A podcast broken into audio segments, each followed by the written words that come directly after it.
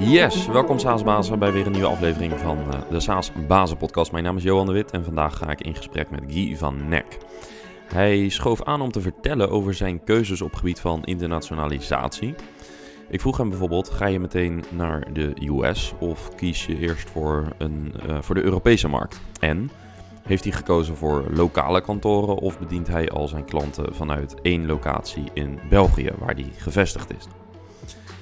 Ja, en luister je naar deze podcast om te horen hoe andere SaaS-bedrijven omgaan met hun uitdagingen? Kom dan op 8 november 2023 naar SaaS Summit. Tijdens dit eendaagse SaaS-evenement komt de Benelux SaaS-wereld samen om te netwerken en van elkaar te leren. En ook als je niet zo'n netwerker bent, is dit evenement voor jou gemaakt. Ga naar saassummit.io als je nog geen uh, ticket hebt en uh, kijk daar ook wat er allemaal op de agenda staat voor deze dag. Ja, en de levensader van elk SaaS-bedrijf is natuurlijk een goed gevulde sales pipeline. En wil je jouw sales pipeline vullen met meer goede leads? In de praktijk zie ik dat veel SaaS-websites een conversie hebben van 2, in een uh, uitzonderlijk geval misschien 5%. En de overige, het overige deel, uh, laten we zeggen 95 tot 98 procent, onderneemt geen actie. Maar kijkt vaak wel meerdere keren op je website. En ze zijn dus op zoek naar iets wat jij te bieden hebt, maar je, jij weet niet wie dit zijn. En daar komt Lead Info om de hoek. Met Lead Info zie je welke bedrijven je website bezoeken. En je krijgt dus ook een goed beeld van de bedrijven die wel interesse hebben, maar nog geen proactief signaal hebben gegeven. Nu je ze met Lead Info in beeld hebt, kun je ze als lead toevoegen aan je CRM-systeem en je sales pipeline vullen. Als je wil weten hoe dat werkt, ga naar leadinfo.com slash saasbazen en dan kan je het ook twee weken gratis testen. Goed, dan gaan we nu naar mijn gesprek met Guy. Heel veel luisterplezier.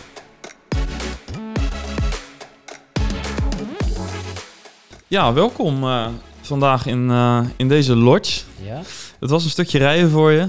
Het was inderdaad een klein stukje rijden, ja. Maar, uh, ja, maar je hebt de tijd uh, nuttig kunnen besteden, hoor ik. Dus yep. dat, is, uh, dat is mooi. Um, en, en natuurlijk te gek dat je aanschuift in, de, in de podcast. Um, laten we beginnen bij het begin. Um, waar en wanneer ben je begonnen met, met het SaaS-bedrijf?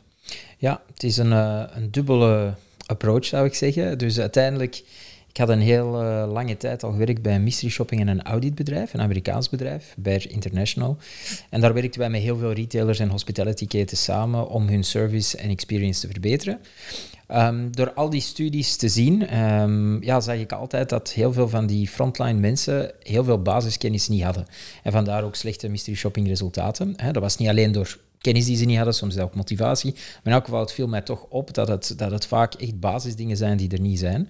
Um, ik was op dat moment ook aan het uh, studeren in, in Amerika een MBA aan het doen, waar we ook een businessplan konden maken. En daar zijn eigenlijk de, de puzzelstukjes samengevallen om te zeggen van ja, ik ben hier nu al lang mee bezig. Ik zie die, die zaken in de markt. We kunnen dat businessplan maken. En zo is eigenlijk het businessplan voor in eerste fase ontstaan. We hebben dan aan een, aan een wedstrijd meegedaan in Amerika. Daar scoorden we supergoed. Waardoor dat er eigenlijk, dat was eind 2014, waardoor er dan werd gezegd van ja, eigenlijk moet je er echt wel iets mee doen. Hè. Um, Want daar heb je het idee gepitcht. Was dat een pitch deck of had je echt al ja, een soort prototype gemaakt? Nee, er was nog geen prototype. Het was echt puur gewoon het idee, pitch. Ja. En, en dat werd dan uh, in Chicago werd dat gedaan voor een groep van zowel professoren, maar ook VC's. Dus dat was eigenlijk wel een, een leuk publiek, waar je dan zoiets van had, oké, als in Amerika men vanuit al die verschillende groepen, we waren tweede geëindigd, ons echt daar op die manier bekijkt, oh ja, dan moeten we er toch echt eens uh, dieper gaan over nadenken en er misschien ja. iets mee doen. En dan hebben we in 2015 gezegd van laten we een vennootschap oprichten om daar verder mee te gaan experimenteren.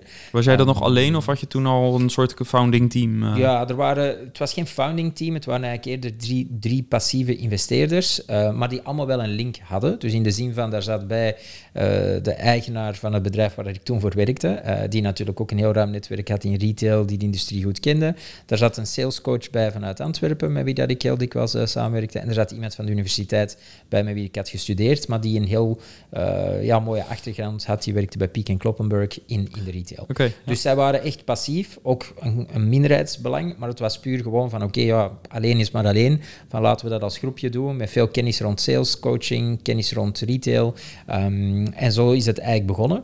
Um, die eerste jaren naast mijn andere job, want ik had dan eigenlijk ook net promotie gemaakt na het volgen van die, uh, van die studies. Dus ik was verantwoordelijk voor de Europese regio voor het bedrijf. Maar zijn we beginnen kijken van oké, okay, uh, hoe kunnen we een eerste klant vinden?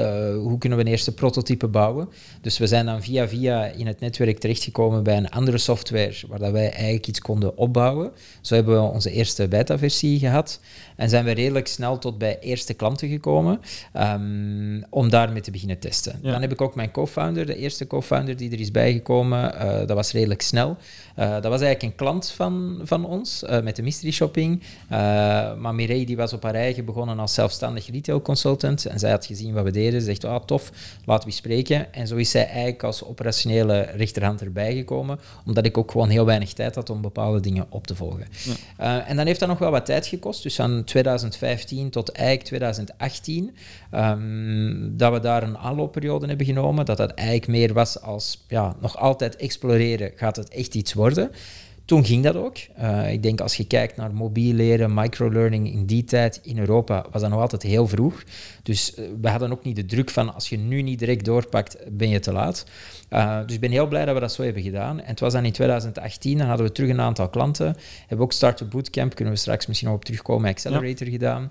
Um, en zijn we eigenlijk ook de baan opgegaan voor de eerste funding te gaan, van institutionele te gaan vinden.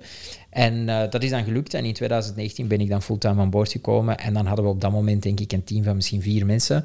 Uh, allee, echt fulltime in dienst. En zo is dan uh, de rit begonnen. Ja. nu zeggen heel veel founders, je moet gelijk all-in gaan. Nou, je hebt eigenlijk een iets andere, wat meer geleidelijke route gekozen. Ja. Hoe was het om ehm, aan dit te werken, terwijl je nog ergens anders aan werkt? Je was hier enthousiast over, neem ik aan. Dus je merkt dat je langzamerhand begint te valideren. Ik denk het hangt heel sterk af van, van industrie tot industrie en van het concept. Hè. In sommige concepten snap ik ook dat men zegt direct all in. Want je hebt anders geen, geen tijd. En, en alles wat je direct kunt doen is meegenomen. Ja, als een winner takes the markt is bijvoorbeeld. Voilà, dat, ja. dat speelt mee. Uh, ik kan mij ook inbeelden dat um, de fase van je leven ook een verschil maakt. Hè. Ik bedoel, ik, ik ben beginnen te ondernemen op een iets latere leeftijd. Allee, nog altijd jong, om het zo te zeggen, maar in elk geval niet direct van de schoolbanken. Ik kan me inbeelden als je direct van de schoolbanken komt, je hebt helemaal niks te verliezen. Um, is het nog gemakkelijker om te zeggen, ik spring er direct in. Maar als je natuurlijk al ondertussen een huis hebt, zaken, ja, ja, afbetalingen hebt lopen, ja, je gaat ook niet vanaf dag één een, een salaris uit je, uit je vennootschap halen. Dus ja, dan is dat denk ik wel een manier om het toch uh, toe te laten. En een heel harde periode ook. Want als je de twee combineert, ja, je zei op den duur, allee, er schiet heel weinig tijd over. Ja. Uh, maar het geeft wel de tijd en ruimte om naar iets te bouwen waar je echt van zegt, oké, okay, nu zijn we op het punt dat we volledig ja. er uh, kunnen instappen. Ja, en als en, ik het zo hoor, had je ook wel kruisbestuiving. Dus dat uh, zeg maar ja. het, het, het, het, elkaar versterkt, omdat ja. je aan dezelfde klantgroep verkoopt. Dat is denk ik ook een heel belangrijke. Hè? Dus, dus eigenlijk onze eerste klanten, of grote klanten althans, die zijn ofwel gekomen via het uh, scholennetwerk. Um, dus een eerste internationale klant die zat in Beirut, had er nooit gekomen, maar die, die man die had ooit ook een MBA gevolgd, de eigenaar ervan. Dat is een van de grootste retailgroepen in het Midden-Oosten. Ze hebben gezegd, ja, je moet die eens contacteren. En zo is daar een deal uitgekomen. En dan een andere grote klant uh, is gestart bij, bij Vans. Uh, dat was ook een klant van de Mystery Shopping. Ja, ik stapte er binnen om jaarevaluatie te doen van, kijk, wat zijn de resultaten? Maar ook te zeggen van, hey, waarom zou je nu op training ook niet meer inzetten en dat digitaliseren? En zo is die eerste pilot eruit gekomen. Ja. Dus er was eigenlijk een, een automatische kruisbestuiving die, er, uh, die, die ervoor zorgde dat het eigenlijk gewoon een goede situatie was om het zo te doen. Ja, als ik het zo hoor, zou ik me ook kunnen voorstellen dat, je, uh, dat jouw toenmalige werkgever van de mystery shopping uh, van dat bedrijf, dat hij het product zelf in-house wilde, of in ieder geval binnen die entiteit wilde bouwen. Dat het onderdeel werd van ja. die propositie daarom denk ik ook dat ik die er direct heb betrokken om mee te investeren. Ja. Waardoor dat, dat ook eigenlijk helemaal van de baan was. Ja. Dus dat was ook een reden om te zeggen van, ga ik dit helemaal alleen doen? En dan staat je er echt naast en gaat er ook heel snel wel in conflict komen. Versus, ja nee, vind je dit ook een goed idee? Gaat je ook een beetje mee investeren en we gaan dit samen doen. En als dit dan goed lukt, dan zit je ook mee uh, aan, aan, de goede kant. Ja. Um, ja. En, en welke rol heeft die Startup Bootcamp die, uh, die je hebt gevolgd uh, gespeeld in, in jullie groei? Ja, we hebben meerdere accelerators gedaan. Misschien als ik er nu op terugkijk, een paar te veel. Ja, want op den duur ja, heb je het ook wel gezien. In die fase hadden wij ook wel zoiets van, ja, hoe meer visibiliteit dat je kunt krijgen, hoe beter. En ik ben er nog altijd wel van overtuigd in een heel vroege fase om die eerste jump te maken van bij wijze van spreken bijna nul naar een miljoen ja, uh, je kunt het allemaal heel mooi uitdokteren als je een volledig product-led uh, model hebt, maar anders is het toch wel heel veel naar buiten komen. Mensen moeten nu zien om dat te kunnen doen. Ja.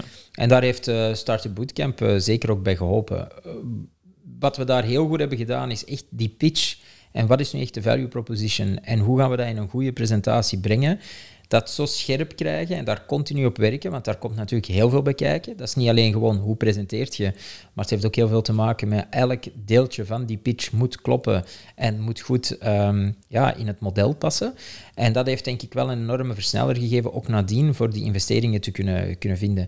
Dus het waren vele kleine dingen. En dan ook netwerk. Uh, als ik nu kijk, um, onze CFO Marcel, met wie dat wij dan verschillende rondes hebben opgehaald, die heb ik via Startup Bootcamp leren kennen. Hij was geen mentor bij ons, maar op het moment dat wij zeiden, ja goed, we willen nu uh, echt een ronde gaan lanceren, heeft men vanuit Startup Bootcamp gezegd van, ah, Marcel is waarschijnlijk een goede persoon om daarin te assisteren. En zo hebben we elkaar leren kennen. Uiteindelijk hebben wij die ronde samen gedaan. Marcel kreeg er ook gewoon heel veel uh, plezier in. Hij heeft dan terug zelf ook mee geïnvesteerd en is dan eigenlijk als CFO aan, aan boord gekomen. Dus ja, het is een combinatie van netwerk opbouwen, juiste mensen leren kennen en, en ook alles wat rond die value proposition was uh, heel helder krijgen. Ja, um, en even vast forward naar vandaag, um, ehm, 2023 inmiddels. Um, waar, waar staan jullie nu? En dan heb ik het ook over de, waar, waar zijn jullie actief? Dus je studie was in de VS. Jullie bedrijf is volgens mij opgericht in België. Ja. maar als ik op de kaart kijk, dan zie ik wat lokale pinnetjes staan op LinkedIn. Uh, Wat kan je daarover vertellen? Ja. ja, misschien gewoon heel even als summary. Dus wij zijn gestart dan eigenlijk echt met die rollout in 2019. Uh, ik denk als we nu in de laatste Fast 50 zullen we met een groei zijn die meer dan, dan 1000% is over de afgelopen vier jaar. Dus ik denk dat we daar een heel mooi traject hebben uh, gedaan. Um, in dat traject uh, zijn we heel snel, denk ik, van 200 naar een miljoen gegaan. Heeft dan ook tot de nodige aandacht... Van 200k ERR naar, ja, naar, een miljoen. Ja. Um, hebben we van daaruit ook terug funding kunnen ophalen. En dan komt je op een punt, ja, je wilt blijven verdubbelen uh, en dan begint je te kijken van ja, hoe gaat je dat doen? Hè? Je, doet je dat vanuit de huidige salesorganisatie die er is, die in het begin vooral mezelf was, we hadden één persoon ook op het commerciële nog en één uh, rep in België. Maar ja, daar gaat je niet blijvend mee kunnen uh, gaan verdubbelen. Dus dan automatisch komt de vraag van ja, hoe gaan we zorgen dat we voldoende kunnen groeien? En dan begint je te denken, ja, meer sales die er moeten bijkomen. En zo zijn we, hebben een analyse gemaakt van oké, wat zijn voor ons landen die interessant lijken. Amerika hebben we redelijk snel nog ja, buitenspel gezet, omdat we daar het idee hadden van ja, je hebt toch nog veel meer funding nodig om Amerika echt op een goede manier te kunnen doen. Ook daar zijn verschillende filosofieën over. Want ja, want hoe kwam je tot dat inzicht? Ja, um, we hebben daar ook aan bepaalde programma's meegedaan om Amerika te ontdekken. Um, waar dat dan ook dikwijls werd gezegd, ja, als je naar Amerika gaat, ja, het is zo'n groot land, er zit natuurlijk enorm veel opportuniteiten, maar er komt zoveel bij kijken, zowel qua legal, qua product, soms ook gewoon kleine aanpassingen die moeten gebeuren enzovoort, dat je heel snel toch tot, ja, tot bepaalde investeringen komt voor één land op te zetten. Dat de markt daar heel groot is, daar twijfel ik niet aan, hè, maar er komt gewoon heel wat bij kijken. En daar hadden we gewoon schrik van dat dat op dat moment misschien een ja, te grote stap is om met die funding die er was, dat eigenlijk te gaan uh, neerzetten. Ja, dat is wel interessant. Eh, als ik uh, het hierover heb met founders, dan hoor je juist vaak dat de angst hem juist in Europa zit. In uh, de, de overhead die komt kijken bij het lokaliseren in ja. misschien wel vijf talen, in, in het product ready maken, lokale wet en regelgeving. maar jullie kwamen er eigenlijk tot, tot het inzicht dat het juist de VS, dat die upfront kost te hoog waren in relatie met de markt. Wij, wij, wij zagen dat we op dit ogenblik gewoon redelijk uh, goede veel klanten hadden in Europa. Eigenlijk ook heel snel internationaal. Wij zaten direct eigenlijk in heel veel verschillende landen. door bijvoorbeeld een Vans, uh, die zitten dan in Zwitserland met het hoofdkantoor. Door dat Vans klant werd, werd Timberland klant. Nadien is de North Face klant geworden, zitten allemaal in diezelfde groep. Dus je had direct eigenlijk een heel mooie Europese footprint. Uh, als je dan ook keek naar algemeen het, het landschap qua concurrentie, dan zagen we dat er in die space waar wij zitten eigenlijk nog maar weinig spelers zijn.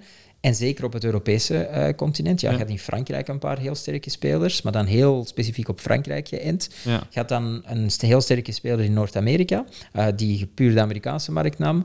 Uh, en in Azië had je ook één speler. Maar eigenlijk Europa lag een beetje open. Dus dat was voor ons iets van, ook puur strategisch, wij willen die Europese markt kunnen claimen ja. en daarachter gaan. Um, die kosten van de lokalisatie, eens. Um, ik denk daar zien we dat wij een approach hebben gekozen om dan in landen te gaan.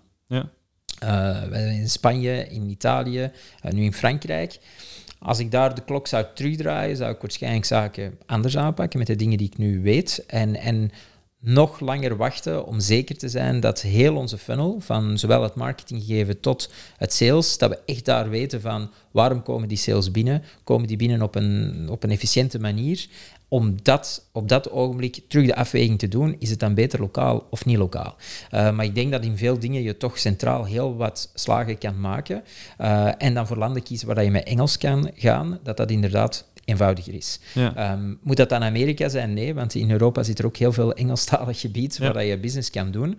Uh, maar wij zijn ja, voor een approach gegaan waar we zien van minder concurrentie, whitespace, veel... Um, uh, brands die er zitten die interessant zijn voor, voor onze doelgroep. En dat heeft voor ons meer de, de trigger overgehaald om te zeggen, we gaan bijvoorbeeld naar Italië of naar een Spanje. Ja, als we nog even inzoomen op de beslissing om um, echt uh, lokale, want het zijn vooral sales offices, denk ik, hè? Ja. Uh, om, om lokale sales offices. Ik zag uh, volgens mij Milaan, Madrid, ja. Amsterdam, dus verschillende, Londen volgens mij ook. Nee, Londen niet. Maar... Ik, ik, zag Londen volgens mij op LinkedIn okay. ergens bij staan, maar dat ja. geen idee. anyways, um, dus, dus die verschillende um, lokale sales teams. Ja. Wat, wat was de rationale op dat moment om daarvoor te kiezen versus alles van vanuit uh, Gent bijvoorbeeld? Ja. Um, enerzijds, zoals ik dus zei, hè, we hebben die analyse gedaan van welke landen, en dat was op heel veel verschillende factoren. Hè. Zijn ze digital savvy? Uh, hoe groot is de doelgroep die er zit? Um, hoeveel concurrentie zien we er? Dat heeft mee bepaald van oké, die landen zijn interessant voor ons. Dan te kijken van willen we lokaal versus uh, het doen van hier. Ja, die landen die wij hebben gekozen, die naar voren kwamen, die zijn gewoon moeilijker om te doen direct vanuit een vanuit een centrale entiteit. Is het mogelijk? Ja, ongetwijfeld. Maar je merkt ook het opbouwen, het gaat heel hard samen ook met partnerships. Bijvoorbeeld als je naar de foodbusiness gaat en je denkt aan, aan restaurantketens. ja, daar zijn associaties, daar zijn bepaalde um, netwerken. Uh, als je bijvoorbeeld in Italië kijkt, dat is ook een heel harde netwerkeconomie. Ja, dan is daar iemand lokaal hebben die daar echt bij die events soms kan aanwezig zijn. Dus los van dat je continu zelf events moet doen, maar er gewoon je laten zien, dat versterken met marketing. Dat heeft gewoon een enorme waarde, wat geen een van de andere concurrenten ook doet. Hè? Dus, dus dat kan net dat verschil maken. Maar dat komt samen met de complexiteit van het feit van één, goede mensen vinden. En dat was bij ons al direct toch wel een moeilijke, uh, want wij werken heel vaak ook met, met recruitment agencies of, of headhunters, waar ik zelf een enorme voorstander van ben, omdat het snelheid kan brengen en dat je echt goede mensen kan vinden.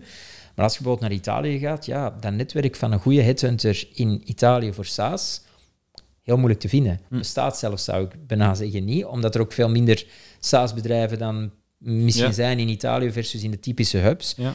Dus ja, dan hoe vind je de juiste personen? Dat was al een, een moeilijke zoektocht. Dat heeft ons wel wat tijd gekost. Nu, uiteindelijk hebben we er wel goede mensen um, gevonden. Uh, maar dat was denk ik toch al een van die moeilijke punten. Dan komen die aan boord. En dan natuurlijk wil je salesgesprekken volgen. Nu, wat je heel vaak hebt, je komt van founder sales. Je wilt gaan naar, ja, hoe ga ik dat team dan laten doen? Wat we zagen is dat bijvoorbeeld in België is dat supergoed gelopen. Oké, we hebben daar ook een, een rockstar sales uh, zitten. Maar je zit daar ook heel dicht op. Dus je kunt natuurlijk met die persoon vaak meetings die samen doen. Precies, Automatisch spart je heel veel. Dus eigenlijk die overdracht van founder naar die salespersoon gaat veel sneller. In Italië hadden wij ook heel veel contact, maar vanaf dat het echt een diep gesprek wordt, ja, dat gaat in het Italiaans, kun je niet volgen. Ik spreek de taal niet, uh, jammer genoeg. Dus dan wordt dat toch iets moeilijker om die nuances bij te hebben. Waarom lukt het nu bijvoorbeeld niet daar? Waar hadden we meer kunnen op inspelen? Dus daarom ook, als ik daarop terugkijk, uh, is het een harde weg die eenvoudiger is te bewandelen als je zegt van nee, houd die salesmensen dichter bij jou. Um, is dat op het hoofdkantoor of is dat bij wijze van spreken uh, voor België, Nederland of voor Nederland, België? Um, en, en van daaruit zorg dat die overdracht gemakkelijker loopt. Ja, en, en nog even terug naar wat je net zei over uh, met de wijsheid van nu zou je bepaalde dingen wellicht anders doen. Uh, stel dat je nu even opnieuw zou kunnen beginnen. Um, hoe zou je het dan aangepakt hebben?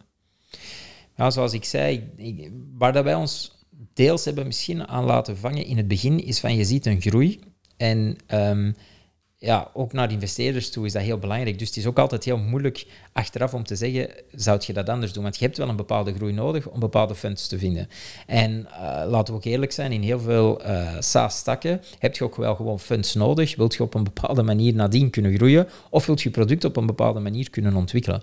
Um, dus uiteindelijk uh, zijn wij heel nauw begonnen vanuit retail en retail op Europees vlak en dat ging goed. Tijdens er COVID gekomen. Ja, dan was retail waarschijnlijk niet meer de interessantste plek om alleen op te focussen, want dat viel gewoon stil. Ja. Maar toen hadden wij wel gezien dat we eigenlijk in heel veel verschillende industrieën konden verkopen. Dus wij begonnen te verkopen aan logistiek, verkopen in de industrie, verkopen aan overheidsinstanties enzovoort. Wat zorgde voor een heel mooie groei. Alleen die groei die was zeker valid. Maar was die gebaseerd op een, een soort van funnel, zoals ik er straks zei, waar je ziet van oké, we doen nu bepaalde marketingacties die leiden tot bepaalde leads en we weten daarmee een heel goede zekerheid, als we zoveel leads binnenkrijgen van dat specifiek type, komt daar zoveel sales uit, dat was het niet. Dus je zou en, misschien kunnen zeggen dat uh, voordat je nu uh, in, in, met de wetenschap van nu naar zo'n land zou gaan, dan zou je dus eerst zorgen dat je funnel van top funnel tot uh, closed won, dat dat voorspelbaar is. Ja, het is eigenlijk vooral die dan, voorspelbaarheid. Ja. Want als je die voorspelbaarheid niet hebt, al niet in één land, maar het is heel gemakkelijk om daar ja, vertroebeld naar te kijken, omdat ja. je verblind bent op dat ogenblik door alle KPI's die, die supergroen staan. Hè. Dus op het moment dat wij besloten om meer landen te doen, ja, dan, dan was zowel de groei als elke KPI die je maar kunt denken vanuit een SaaS-perspectief, die stond op, op donkergroen.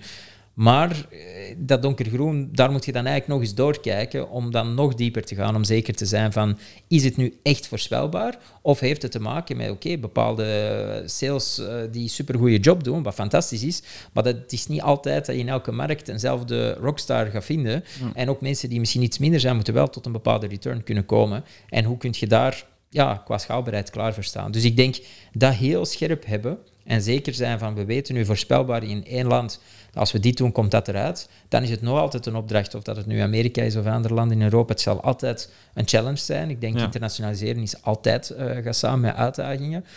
Maar dan staat je wel op een veel uh, meer solide basis erin. Ja, dus dat je een voorspelbaar playbook hebt voor je hele ja. go-to-market in bijvoorbeeld één niche in jouw thuisland. En als je dat hebt, dan pas naar een volgende... En dan komen we terug, en, en dat wordt heel vaak gezegd, en dat was ook in de Accelerator-programma's en uh, ik heb daar ook met veel VC's, uh, onder andere Nederlandse VC's, vaak discussies over gehad op een heel constructieve, positieve manier. Maar dat is focus, focus, focus. Maar hoe uh, ver gaat je in die focus? Hè? En, en uiteindelijk, als ik er nu op terugkijk, kun je zeggen van ja, al gaat het echt op een heel klein segment, dan, dat niet voldoende zal zijn om op het einde van de rit heel je bedrijf rondop te bouwen. Maar als je tenminste in dat segment een heel keten kunt bewijzen, ja dan heb je wel al heel veel materiaal om te zeggen, het werkt daarin. Natuurlijk, ja. er is altijd die schrik van, stel dat het in dat segment niet werkt, hoeveel tijd verlies ik dan? Ja. En zeker in de beginfase, um, om van een miljoen dan naar twee miljoen weer al te gaan, die verleiding is heel groot. Je kunt dat op verschillende manieren doen. Hè? En je weet, je hebt wel die groei ook nodig om weer terug potentieel naar funds te gaan. Dus ja, dat is een, een heel moeilijke balans ja. uh, om te vinden. Maar als ik er nu op terugkijk... Um, als ik een nieuw uh, bedrijf zou opzetten, zou ik waarschijnlijk toch nog van in het begin nog meer focus erin brengen dan dat we nu al hadden. Bedoel ik echt op vertical en op een heel niche uh, ding. Daar echt goed weten, dit werkt volledig aan alle kanten om dan verder te gaan. Ja. En, en aan de andere kant uh, merk je ook bij heel veel founders dat ze het fijn vinden om een bepaald opportunisme er soms ook in te leggen. En ook experimenten. Om, om, ja. Dus hoe, hoe zou je de balans kunnen vinden tussen enerzijds hyperfocus op een segment, om daar succesvol en voorspelbaar in te, in te worden. Um, en, en aan de andere kant toch ook uh, nou ja, voldoende experimenten te kunnen doen om te ontdekken in welke landen dat mogelijk zou werken. Ja, dat is een heel goed punt. Hè, want uiteindelijk, ik zeg het nu achteraf, kun je altijd zeggen, goh, ik zou dat en dat doen. Maar uiteindelijk je leert ook heel veel door die dingen net te doen. En moesten we bijvoorbeeld uh, niet de afgelopen jaren heel veel van die acties hebben gedaan, en ook natuurlijk voor een deel verbrand je geld, maar je leert ook veel sneller dat die dingen dan uiteindelijk misschien op termijn anders moeten of via een andere invalshoek moeten. Dus je hebt ook deze stappen wel nodig gehad. Uiteindelijk heeft het wel gebracht waar je nu staat. En alleen is de vraag, op welk moment tot waar doet je dat? Hè? Je kunt zeggen van van 200, om van 200 naar een uh, miljoen te gaan. En daar kun je zeggen, blijft in het begin langs de ene kant wel focus, want anders is het volgens mij ook moeilijk, maar dat je hier en daar nog wat experimenteert. En dat zit dan vooral, denk ik, heel dikwijls ook bij founder sales, omdat je op dat moment nog niet een heel grote salesorganisatie hebt. Het is meer vanaf het punt dat je echt zegt van nu wil ik die salesorganisatie gaan uitbouwen, dan denk ik dat voor de mensen die aan de saleskant zitten, de, de sales reps, SDR's, die organisatie, dat die enorm moet gefocust zijn om al op één segment het goed te kunnen doen. Want we hebben ook gezien, mensen opleiden ja, kost gewoon tijd. En om dat op verschillende verticals te doen, wat weer al verschillende verhalen zijn. En ja, er zijn altijd uitzonderingen qua product. Hè, maar als dat belangrijk is om het verhaal per vertical ook een beetje af te stemmen, is dat heel moeilijk om, om salesmensen direct op 4, 5 eh, goed te laten werken. Dus dan zou ik zeggen, dat, dat segment, die mensen, die laat je enorm focussen op dat segment waar dat je achter wil natuurlijk, met de founder en eventueel de commerciële persoon die er zit, kan je blijven business development doen, kan je blijven kijken in de markt, kan je blijven experimenten doen. Toen wij nu ook, we zijn nu uh, bezig met uh, meer een, een groeimarkt, uh, wat meer exotisch. Maar daar gaan wij het sales team niet bij betrekken. Wij doen dat gewoon puur zelf, om daarmee te kijken van, ook via partnership liggen daar mogelijkheden, daar wel mee te experimenteren, omdat soms ja, zijn er regio's in de wereld waar dat je nu helemaal niet bij stilstaat. Maar als je kijkt puur demografisch groei, dat je zegt van ja, als het daar lukt, dan heb je ineens een bom. Ga dat dan zeggen, dat gaan we helemaal niet doen? Nee, ik denk, daar moet je wel mee blijven experimenteren, maar het buiten je dagdagelijkse organisatie houden, waar dat je enorme focus wil insteken. Ja, goed inzicht. Ja, dus eigenlijk je de focus uh, houden binnen je sales team, zodat je zelf uh, die exploratie doet. Ja, ja. ja. Um, wat, uh, wat ook even ter sprake kwam in het voorgesprek was uh, de switch van uh, een sales-led organisatie naar wat meer product-led. Ja. Um, de ambitie daarin, maar ook alle uitdagingen die daarbij horen. Um, vandaag klink je inderdaad met wat je schetst als een sales-led organisatie. maar uiteindelijk zijn jullie wel ook aan het kijken of je het meer product-led kunt ja. inrichten, de hele go-to-market. Ja. Waar, waar staan jullie in dat opzicht? Wij zijn daar nu eigenlijk, ja, alles hangt samen. We hebben eind vorig jaar een uh, chief product aangetrokken. Um, en die persoon die is mee beginnen echt kijken naar de visie. Tot op dat ogenblik, waarbij ja, dat is ook zo'n typische valkuil. Hè. Begin niet te ontwikkelen voor klanten. Hè. Doe het altijd vanuit een algemeen common perspectief. Dat deden wij langs de ene kant wel, maar wat je wel zag is als je een paar grotere klanten hebt, die gaan toch altijd bepaalde eisen hebben. Al is het voor security, whatever dat het is, er komt van alles bij kijken. En voordat je het weet, komt je toch tot de vaststelling, ondanks dat je altijd hebt gezegd, we gaan nooit iets ontwikkelen als het niet goed is voor anderen, dat je dan uiteindelijk toch ziet van, ja, eigenlijk die feature en die feature en die feature, ja, er zijn maar drie klanten die dat gebruiken. Waarom? Dus uh, als ik er nu op terugkijk, hadden we, en dat was ook ons plan, maar we hebben er een jaar over gedaan om die persoon echt te vinden, omdat we ook gewoon echt iemand goed wilden, uh, hadden we product nog eerder moeten hebben, nog sneller op die visie werken, nog sneller daar dingen op uh, kutten die, die specifiek naar klanten zijn. Um, nu zitten we wel in die fase en hebben we ook gezegd van, kijk, we willen om ons salesmodel en marketingmodel te vergemakkelijken, willen we meer richting die product-led gaan. We willen gewoon dat mensen gemakkelijker kunnen experimenteren, mensen gemakkelijker met het product kunnen werken. Gaat dat een volledig eh, PLG-model zijn? Denk ik niet, omdat in onze markt daar toch nog... Ja, ik denk niet dat dat een nood is. Hè. We zitten ook niet specifiek naar eindgebruikers die direct het product en dan... Dus, dus ik denk dat bij ons een soort van hybride model gaat landen, maar daar hebben we gezegd dat we volgend jaar terug naar kijken. Dus we hebben nu tal van acties bepaald om ervoor te zorgen dat we eigenlijk ja, meer en meer toch een eerste teaser kunnen geven, het product gemakkelijker kunnen openstellen voor, uh, voor decision makers, uh, om op die manier eigenlijk sales meer warme lead, uh, leads te kunnen geven. Ja, en houdt hybride in jullie situatie in dat je en een sales motion hebt voor bijvoorbeeld enterprise en dat je voor een ander klantsegment PLG hebt? Of houdt het meer in dat je voor alle klanten zowel top-down als bottom-up kunt verkopen?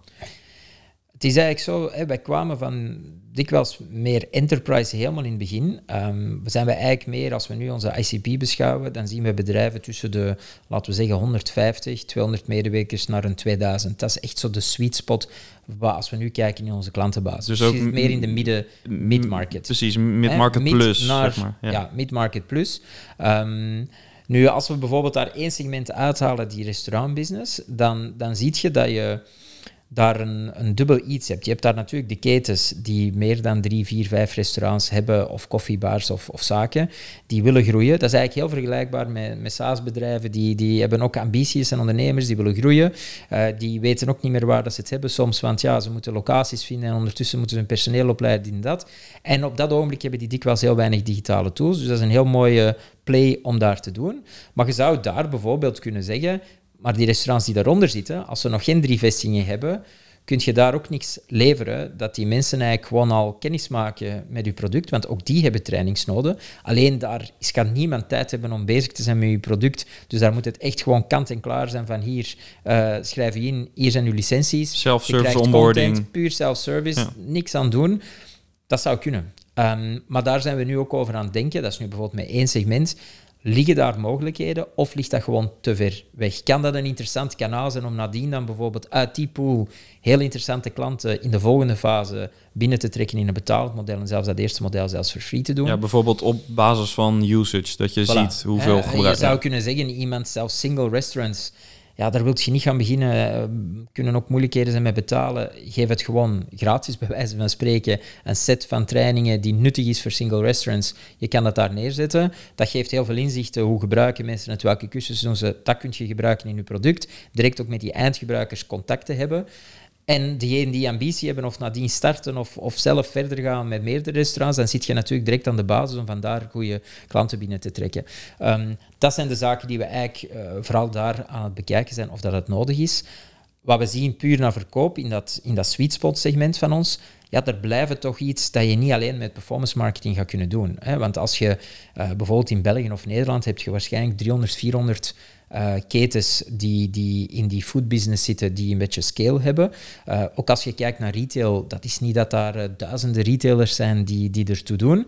Dus je blijft toch altijd met een redelijk um, behapbaar segment zitten van klanten waar je ook wel een beetje meer persoonlijk naartoe wilt gaan. En die niet puur inbound gaan binnenvliegen, omdat ze zeggen, goh, nu moeten we MobiTrain hebben. Dus het is meer eigenlijk marketing om te ondersteunen, om het salesproces te vergemakkelijken, efficiënter te maken, dan eerder te zeggen, het gaat nu gewoon puur inbound allemaal binnenvliegen. Uh, ja. Um, als je kijkt naar jullie uh, PLG, zou je het experimentfase kunnen noemen, uh, wellicht?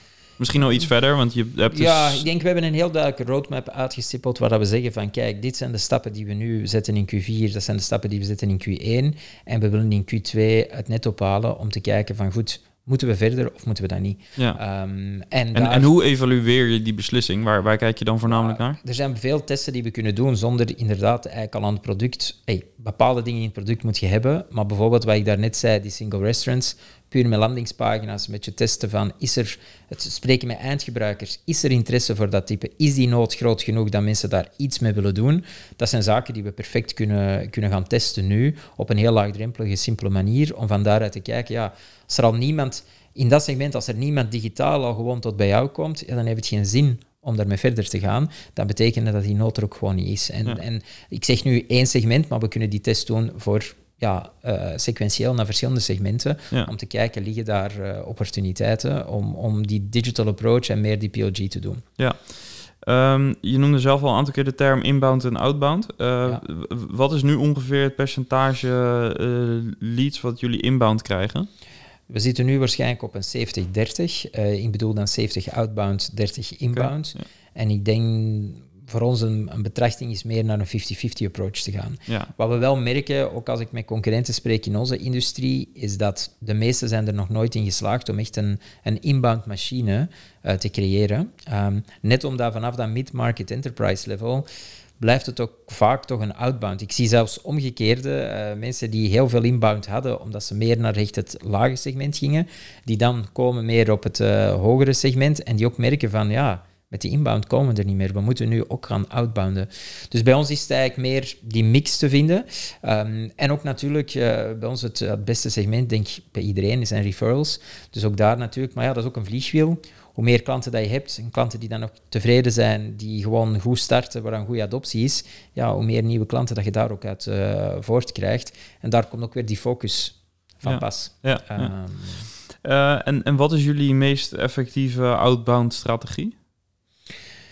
Ja, qua outbound is het eigenlijk een, een, een mix. Hè? Dat het niet is van uh, het is puur cold calling, dat is het zeker niet. Maar wat we zeggen, het is een combinatie van wij doen ons eigen webinars, wij doen onze eigen events, allemaal rond die specifieke industrie of, of sweet spot klanten waar dat we rond uh, werken. Uh, we hebben dan uh, op LinkedIn zetten we bepaalde sequenties op, alleen niet alleen via LinkedIn, maar we zetten eigenlijk gewoon echt cadences op om daarachter te gaan. En dan hebben we SDR's die van daaruit gaan kijken, oké, met welke materialen wordt er ja, interactie opgebouwd, om dan ook echt een, een call te doen. Dus eigenlijk is dikwijls een stap van, er zijn een aantal digitale stappen, of dat dan nu e-mailcampagne is, LinkedIn-campagne of andere zaken, gecombineerd met het bellen, uh, dat dat eigenlijk uh, de beste resultaten geeft. Ja, en dat doen jullie allemaal in-house? Dat doen wij. Momenteel hebben we een agency die helpt uh, op een deel van het digitale luik. Um, SDR's enzovoort, dat doen we in-house. Ja, oké. Okay. Uh, wil ik het graag ook nog even uh, kort hebben over funding. Je hebt een aantal rondes opgehaald bij een aantal VC's. Um, ja, het is geen geheim natuurlijk dat uh, afgelopen jaar het uh, behoorlijk uitdagend is geweest voor veel SaaS-bedrijven. Uh, je vertelde dat jullie nog steeds groeien, maar dat je ook merkt dat er in de markt, nou, dat die iets, dat de hectiek van corona er wat af is. Ja. Als ik dat goed samenvat. Um, wat, ja, hoe, hoe, staan jullie ervoor als het gaat om runway zonder specifieke nummers te hebben? Maar is het bij jullie zo dat je bezig bent met runway-verlenging? Wat, wat zijn een beetje de, de, ja. de ontwikkelingen? bij jullie? We hebben altijd gezegd, we hebben eind vorig jaar ronde terug opgehaald en dat we zelf in de driver's seat willen zitten. En uiteindelijk betekent dat dat wij voor onszelf in gedachten hebben van er zijn bepaalde cashniveaus, daar willen we sowieso niet onder gaan.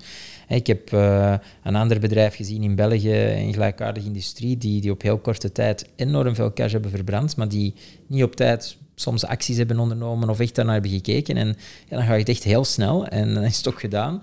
Uh, daar willen wij niet in belanden. Dus wij hebben altijd gezegd, wij houden heel nauw uh, in doog van kijk, waar gaat onze cashbalans naartoe? En dat we ook zeggen van op het einde van de rit willen we sowieso zoveel cash overhouden om te kunnen investeren, nieuwe dingen te doen, whatever dat het is.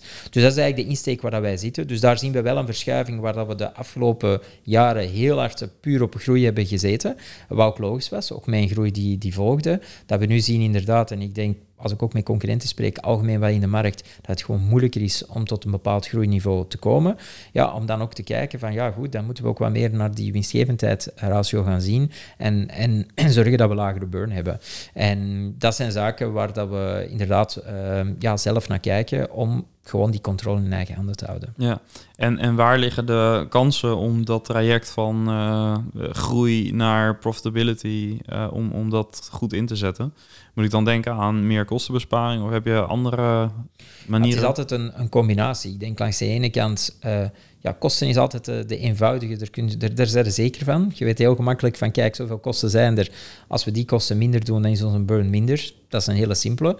Um, maar natuurlijk zitten we er langs twee kanten in. Hè. Ik denk, uh, je moet op een bepaald ogenblik ook kijken naar kosten. Ik denk dat iedereen dat moet doen. En ik denk dat we voldoende voorbeelden hebben gezien internationaal om te zeggen, ja, we moeten nu aanpassingen doen.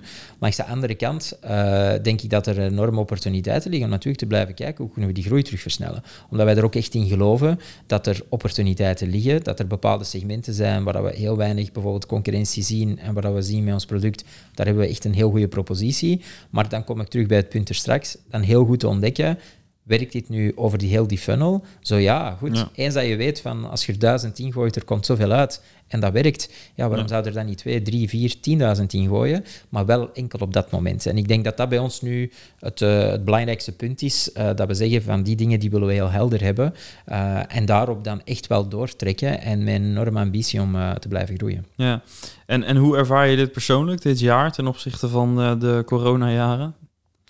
Ja, het is, uh, het is anders. Hè. Ik bedoel, uh, je komt in een periode waar dat je ja, dat niet één, één rechte lijn altijd naar boven gaat. Nu, om heel eerlijk te zijn, uh, ik had ook nooit verwacht dat je gewoon, ik zie ook maar weinig ondernemingen die gewoon in één rechte lijn uh, naar een mega resultaat gaan. Er zullen enkel uitzonderingen zijn, maar zelfs uh, sommige van de grootste, die hebben denk ik ook weer moeilijkheden gehad. Um, dus ja, is dat, is dat de leukste periode? Nee. Hè? Ik bedoel, het is nooit leuk om, om bepaalde zaken te moeten overdenken of te zien van, die groei die gaat minder hard dan wat we willen hebben. langs de andere kant, ik heb het er straks ook nog gezegd, ik zie veel dingen rondom mij om de dingen in perspectief te plaatsen. En ik denk voor ons is altijd een van de belangrijke dingen. Doen we alles wat we denken dat we kunnen doen? Uh, daar ook eerlijk zijn met ons, hè, te kijken vanuit verschillende invalshoeken. Um, als we daar alles aan doen en we doen die afweging op een heel rationele manier en, en daar alles bekijken wat we kunnen bekijken, ja, dan, dan is het wat het is. En, en dan moet je voor jezelf ook gewoon vooral de energie halen uit de journey. En ik denk dat dat ook een belangrijk punt is. Velen zitten soms in hun hoofd misschien van, ja, ik ben dit gestart en ik moet dat en ik moet op die exit komen of whatever. Uh, ik denk bij ons is het vooral genieten van de journey, weten dat het een journey is. Daar zullen dalen zijn, er zullen pieken zijn, maar gewoon te zeggen van, kijk, uh, we gaan daar samen door. En uh, we hebben allemaal wel dat moet er ook wel zijn, een bepaalde visie, daar willen we naartoe. Um, maar dan, dan kun je er denk ik wel beter ook mee, mee omgaan. Ja, het klinkt alsof je minder, iets minder bezig bent met het eindresultaat. Ja, eigenlijk... En meer, meer je input. Dus uh, heb ik alles aan gedaan? Dat is meer de vraag. Ja. En dat continu ook challengen en, en ook gechallenged worden. En ik denk ook heel transparant zijn met de board, uh, wat wij ook altijd doen. Ja, want hoe uh, ziet deze dynamiek er met investeerders uit? Want die willen uiteindelijk ook een ROI maken. Je haalt geld op onder bepaalde prognoses. Uh, Als die prognoses onder druk komen te staan, wat doet dat met, uh, in, met die dynamiek? Ja, ik denk, ik kan alleen maar spreken tot waar dat we nu uh, zitten. En, en, dat loopt allemaal op een heel constructieve, goede manier. En ik denk dat daar ook wel wordt geapprecieerd als er transparantie is. En als er dingen bijvoorbeeld minder lopen, om ook gewoon te zeggen, dit loopt minder. En, en daar ook realiteitszin te hebben. Het heeft geen zin om jezelf te blijven rijk rekenen en te zeggen van ja goh ja, volgend jaar gaan we, gaan we wel zoveel doen. En als we dit en dit doen, dan komt ja, op een bepaald ogenblik heb je ook zoiets van, nee, waar zijn we zeker van? Hier zijn we zeker van. Uh, we zijn ook zeker dat we waarschijnlijk dit kunnen doen aan een groeikant. En er zijn bepaalde dingen die, die nog onzeker zijn. En dat ook heel logisch is. Ja. Uh, uiteindelijk moet je meestal beslissingen nemen in onze sector uh, met te weinig data. Hè. Iedereen wil heel veel naar data kijken, maar op het einde van de rit komt je heel dikwijls tot de vaststelling dat er nog niet genoeg data is om echt met zekerheid iets te kunnen zeggen. Dus het is proberen met de dingen die er zijn, zo goed mogelijk die analyses te doen en, en dan samen die beslissingen te nemen. Ja, en, en wat heeft um, deze marktbeweging, als we hem zo zouden noemen, hè, met eerst piekjaren en, en daarna deze, deze downturn, uh, als je hem zo zou kunnen omschrijven, wat, wat heeft dat jou als ondernemer geleerd? Kom ik eigenlijk denk ik vooral terug tot, tot wat we daar straks zeiden, maar het blijft ook een moeilijke. Hè? Dus wat ik straks zei, is nog beter te weten van die groei. Is dat een groei die komt vanuit een predictive model versus er is groei, maar we weten niet 100% zeker waarom dat die er zo was. Um, maar dat is heel eenvoudig om dat achteraf te zeggen. Hè? En, en dat blijft niet altijd eenvoudig op het moment dat je er terug in zit. En als je een bedrijf van nul start, Um, ja, in het begin wil je ook dingen experimenteren. Je weet soms überhaupt in het begin nog niet wat is je beste segment. Het is pas hè, in ons geval, als we 100 klanten hebben, uh, dat je ook begint te zien welke klanten werken nu beter dan anderen.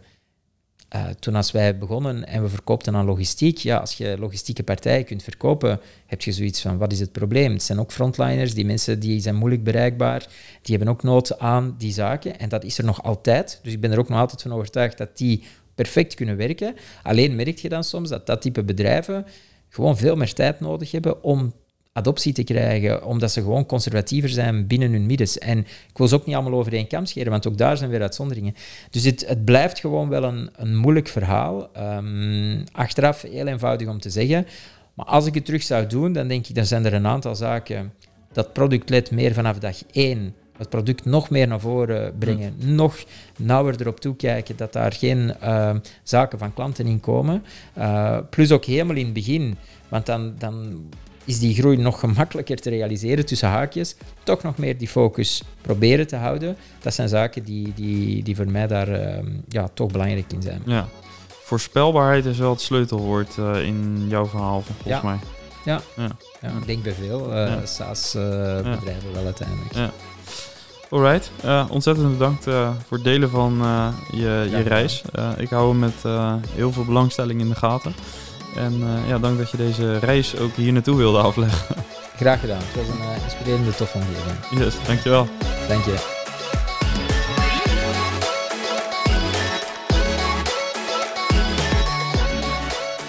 Yes, en tot zover mijn gesprek met Guy. Een verhaal over een uh, enerverende ondernemersreis waar ik uh, zelf ook veel in herkende. Ja, 130. Dat is het aantal SaaS-apps dat het gemiddelde bedrijf tegenwoordig gebruikt, gemeten in 2022. En de meeste mensen denken dat hun bedrijf slechts 50 apps gebruikt. Dus in de praktijk is het bijna drie keer zoveel. En daarom introduceert StackDeck, het eerste SaaS OS ter wereld, de logische volgende stap in SaaS management. Van on- en offboarding tot handige application catalog. Ontdek het zelf op stackdeck.com en start vandaag nog. Stackdeck, get your SaaS together. En als je daar meer over wil weten, kijk niet alleen op de website, maar uh, kom ook langs op SaaS Summit, want daar zijn zij ook als partner aanwezig. Ja, en daarmee zijn we aan het eind van deze aflevering gekomen. En uh, zoals ik dus al zei in de intro, op 8 november komt de SaaS community uh, uit de Benelux samen om te netwerken, om te leren, om kennis uit te wisselen. En ben je dus zelf een SaaS-baas? Het lijkt me geweldig om, uh, om je daar te zien. En voor nu, tot volgende week, de volgende aflevering. Ciao!